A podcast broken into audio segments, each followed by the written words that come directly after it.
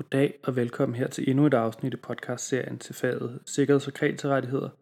Det er fag, som i mellemtiden har skiftet navn til øh, Tings- og kreditorrettigheder. Den her podcastserie kan sagtens også bruges til faget Tings- og kreditorrettigheder, men den følger bare den øh, sådan lektionsopdeling, som der var i Sikkerheds- og kreditorrettigheder. Men der er altså ikke noget i vejen for øh, at bruge den her også til det andet fag, fordi at emnerne er fuldstændig det samme. Det her øh, afsnit det kommer til at handle om hovedretsvirkningerne ved konkurs og rekonstruktion. Altså, hvad er det, der sker, når en person bliver taget under insolvensbehandling, og enten bliver erklæret konkurs, eller bliver erklæret som værende en, der er under rekonstruktion. Først og fremmest så er det sådan, at for at man kan blive erklæret konkurs eller blive taget under rekonstruktion, så skal man have øh, altså være et et retssubjekt, der kan tages under enten konkurs eller rekonstruktionsbehandling. Og det vil i almindelighed være sådan, at alle øh, fysiske personer, de kan tages under øh, konkurs- og rekonstruktionsbehandling. Det samme kan de fleste juridiske personer, alle kapitalselskaber, de kan. Øh, men der er nogle bestemte typer af sammenslutninger og selskaber, som ikke umiddelbart kan tages under kon- øh, konkursbehandling. Det er blandt andet tilfældet for IS'er, interessentskaber, hvor at selve IS'et først kan blive øh, taget under konkursbehandling, hvis samtlige interessenter de sam- også er taget under konkursbehandling. Og det skyldes, at ved et interessentskab, der så hæfter alle interessenterne solidarisk øh, og personligt for alle selskabets forpligtelser, og derfor så kan man altså ikke erklære interessentskabet konkurs, før at hver enkelt, der hæfter personligt erklæret konkurs. Det er samme det tilfælde i forhold til kommanditselskaber. Kommanditselskaber, der er der en komplementar, der hæfter personligt. Og der vil det også være sådan, at man kan først erklære kommanditselskabet konkurs, hvis komplementaren er blevet erklæret konkurs. Hvis man har en personlig ejet virksomhed, altså den lokale øh, automekaniker eller lignende, som bare har en, en virksomhed øh, med et CVR-nummer, men det ikke er i selskabsform, så vil det være sådan, at hvis man bliver erklæret konkurs, så er det ens øh, sådan personlige formue, der ryger ind under konkursbehandlingen. Og så er det altså den fysiske person, der ejer det her øh, mekanikerværksted, der går konkurs. Dernæst, så for man kan blive erklæret konkurs, så skal man være insolvent. Og det fremgår af konkurslovens paragraf 17, at man først kan blive taget under øh, konkursbehandling, når man er insolvent, og når det enten bliver begæret af skyldneren selv eller af en kreditor. Og så kan man tænke, jamen, hvad ligger der i, at man er insolvent?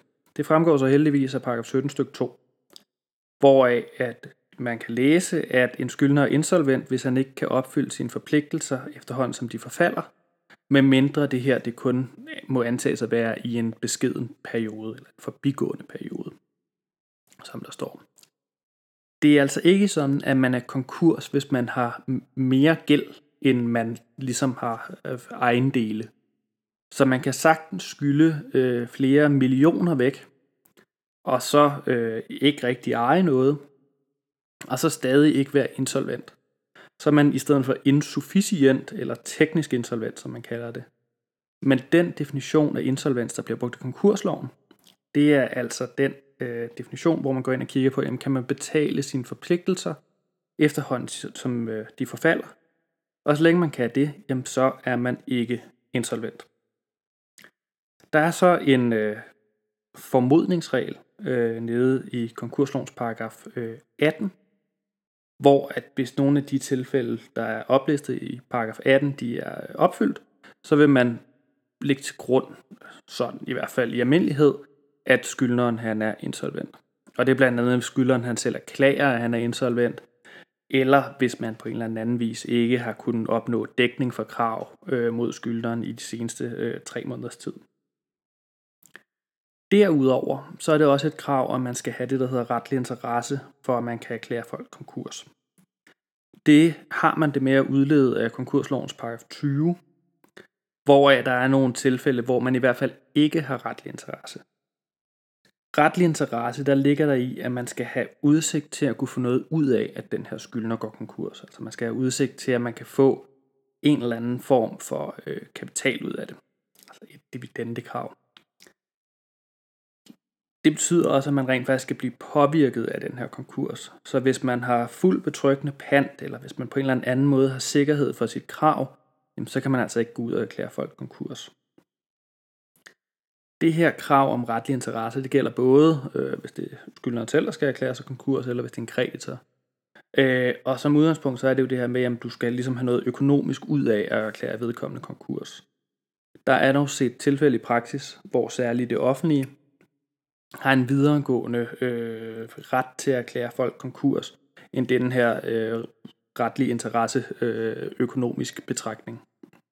Eksempelvis så kan skat øh, have en retlig interesse i at erklære folk konkurs, for at undgå, at der opstår yderligere moms- og skattekrav øh, fra den virksomhed, der bliver drevet, øh, eller for at lukke en eller anden form for ulovlig øh, virksomhed.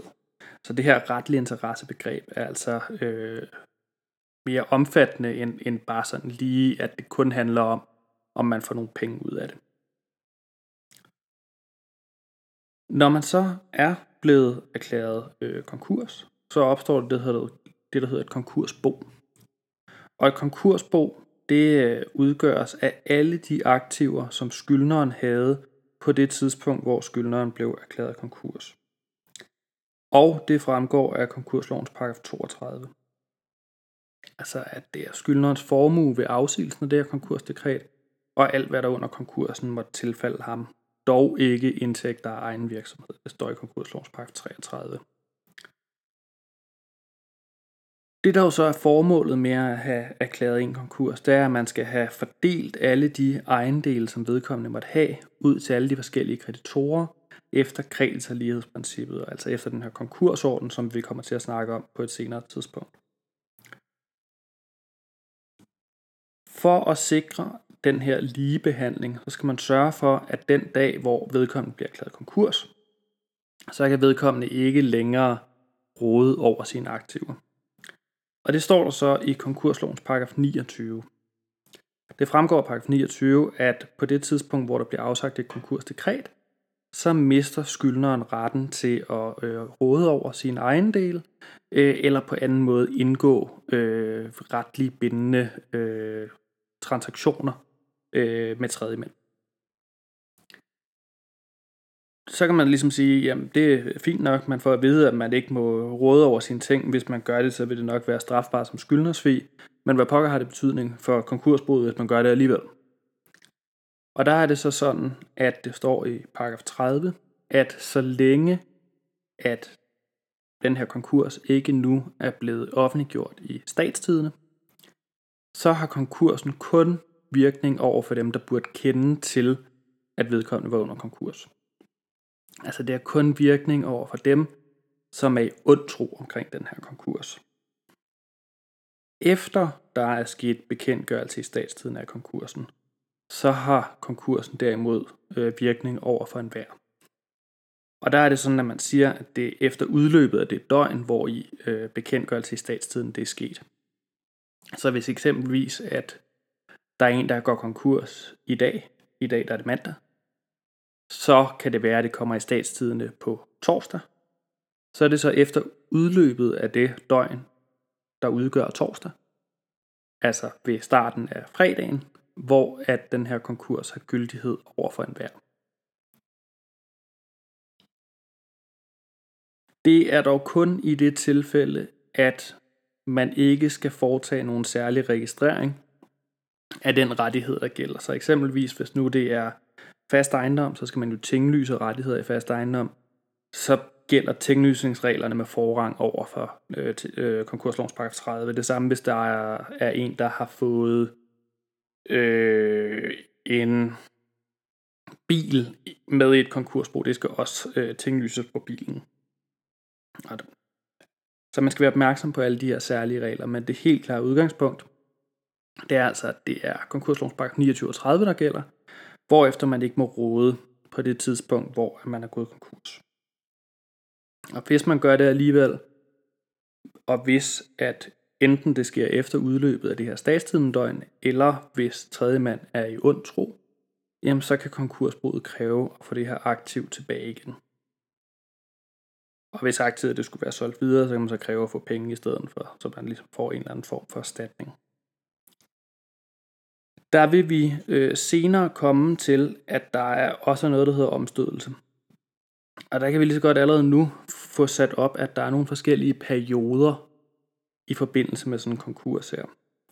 Fordi på det tidspunkt, hvor der er en, der bliver erklæret konkurs nede i skifteretten, det er den dag, hvor der er et konkursdekret. Det er ligesom den dag, hvor man kan sige, jamen ved du hvad, nu gik den ikke længere, øh, nu er du taget under konkursbehandling, og nu må du ikke længere råde over dine egne ting. Før den dag, der ligger der en eller anden anden dag, hvor der er blevet indleveret en begæring om øh, konkursbehandling. Og den dag, den kalder man for fristdagen efter konkurslovens paragraf 1. Og der er det sådan, at de ting, der måtte ske efter dekretdagen, der gælder paragraf 29 hvis man i stedet for skal ind og lave noget om på nogle dispositioner, der er sket før fristdagen, eller i hvert fald før, altså både før dekretdagen og før fristdagen, så skal man bruge reglerne om omstødelse i paragraf øh, 64 til 74 i stedet for i konkursloven. Så der er altså forskellige regelsæt alt efter hvor henne i den her konkursperiode vi er. Nu har jeg snakket en del om konkurs. Tingene er lidt anderledes, hvis det er en rekonstruktion. Fordi ved en rekonstruktion, der mister man ikke fuldstændig rådigheden over sine aktiver. Der må man stadig råde, øh, men man skal bare råde sammen med en rekonstruktør. Så man kan ikke på samme måde øh, sige, jamen nu, nu må du overhovedet ikke øh, råde over tingene. Fordi at ideen med en rekonstruktion, det er jo, at man skal prøve for den her virksomhed til at øh, genopstå. Og igen være øh, øh, forretningsdygtig, så man ligesom kan få noget ud af den her virksomhed. Det betyder også, at hvis der er en, der ryger under en rekonstruktionsbehandling, så opstår der ikke et rekonstruktionsbo. Altså det er den samme virksomhed, der kører videre. Det er kun i tilfælde af konkurs, at der opstår det her konkursbo. Noget andet, man skal være opmærksom på, når man snakker om øh, konkurs og rekonstruktion, det er, at man kan bruge konkurs og rekonstruktion til at ekstingvere utvinglyste rettigheder. Så eksempelvis, hvis der nu har været en handel med et hus, og det ikke er blevet tinglyst, at huset nu er øh, solgt til en anden, jamen så kan konkursboet gå ind og ekstingvere den her utinglyste rettighed over huset. Øhm, så man skal være opmærksom på, at jamen, der gælder den her ting med, at jamen, alt hvad der ikke måtte være tinglyst eller sikret på anden vis, det kan ekstingveres. Derudover, lige så snart man er under konkursbehandling, så kan der ikke længere blive foretaget udlæg mod en. Og det er jo for at sikre, at alle de kreditorer, der er i det her konkursbo, de bliver behandlet øh, lige, når man skal ud og fordele alle de aktiver, der måtte være. Der vil det være helt tosset, hvis der var en, der kunne komme ind for højre, få et udlæg og så få alle sine penge, hvis resten kun får en dividende på øh, 5 eller 3 eller 10 procent. Det er sådan de helt grundlæggende øh, hovedretsvirkninger, der er, når man bliver erklæret konkurs. Altså først og fremmest, så skal man huske på, man skal ind og undersøge, jamen er det her overhovedet en, et retssubjekt, der kan gå konkurs? Så skal man ind og undersøge, jamen er det insolvent eller er det ikke insolvent? Der bruger man konkurslovens paragraf 17. Så skal man bagefter finde ud af, jamen har der rent faktisk været en begæring? Øh, det vil der øh, som udgangspunkt være. Og så skal man ind og kigge på, jamen, hvilken betydning har det så, at den her øh, person, enten den fysiske eller juridiske person, er gået konkurs. Og der er det særligt relevant det her med, at man ikke kan råde over sine egne øh, aktiver længere, man ikke længere kan pådrage sig nogle forpligtelser, som har virkning for det her konkursbo. Det er øh, alt, hvad der udenbart er at sige om det her emne. Jeg håber, I har fået noget ud af det, og så høres vi igen øh, ved igen i næste afsnit. Tusind tak for, at I hørte med.